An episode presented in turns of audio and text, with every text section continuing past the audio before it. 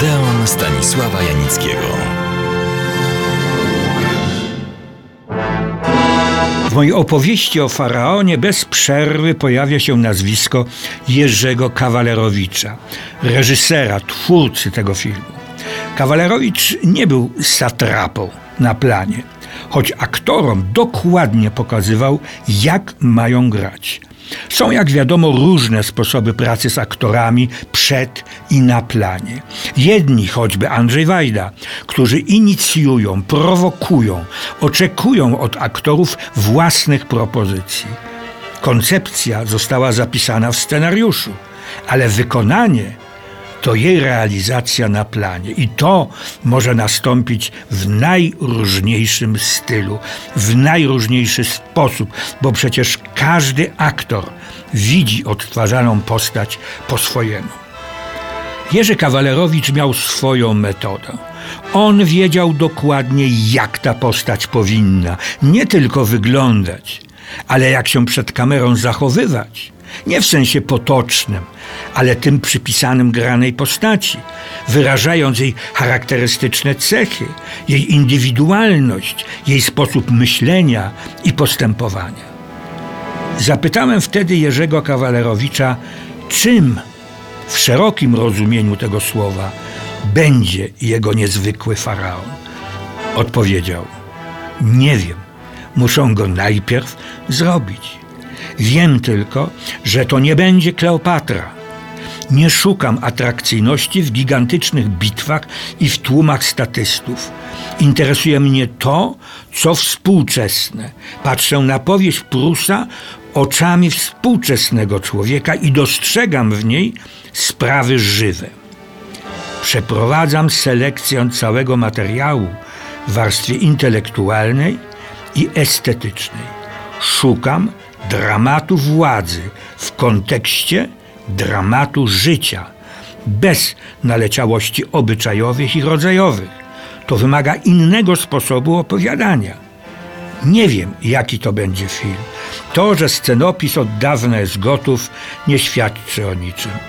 Ostatecznie powstanie on na planie. Dlatego nie chciałbym o nim szczegółowo mówić. Chcę go zrobić. I na tym poprzestanę, bo Kawalerowicz film ten zrobił i można go i dziś dzięki takim czy innym sposobom obejrzeć, co notabene polecam. Ale nikogo to nie zaskoczy, że Kawalerowicz zrobił nie tylko ten film. Debiutował, nie on jeden zresztą, socrealistyczną opowiastką wiejską Gromada.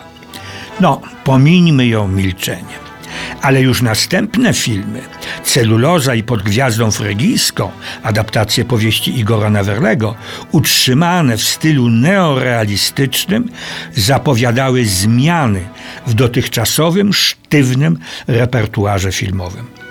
Po sensacyjno-kryminalnym cieniu Kawalerowicz nakręcił film oparty na prozie Jerzego Zawiejskiego Prawdziwy koniec Wielkiej Wojny.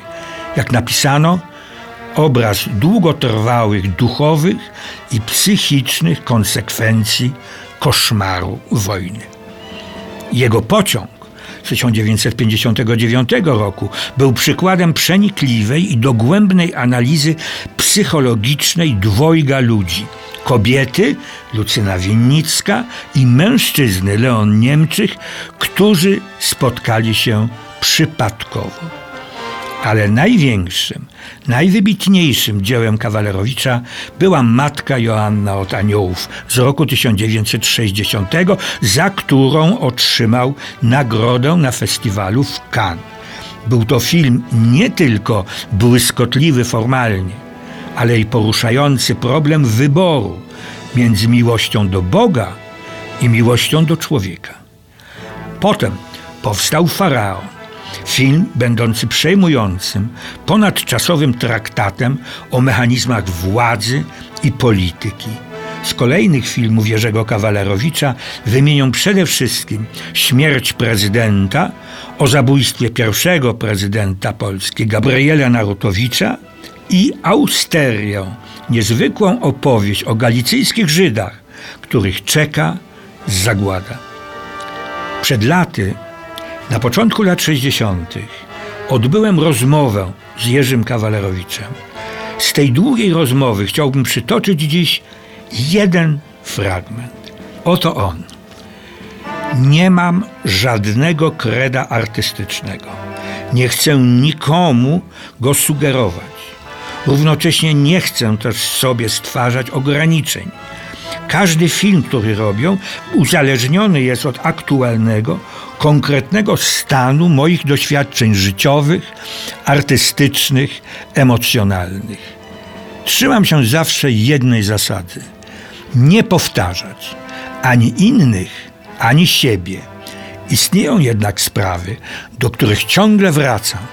Są nimi sprawy uczuć ludzkich, uczuć intymnych, nieraz nieuświadomionych w pełni, ale zawsze w jakiś sposób ważących na losie ludzkim.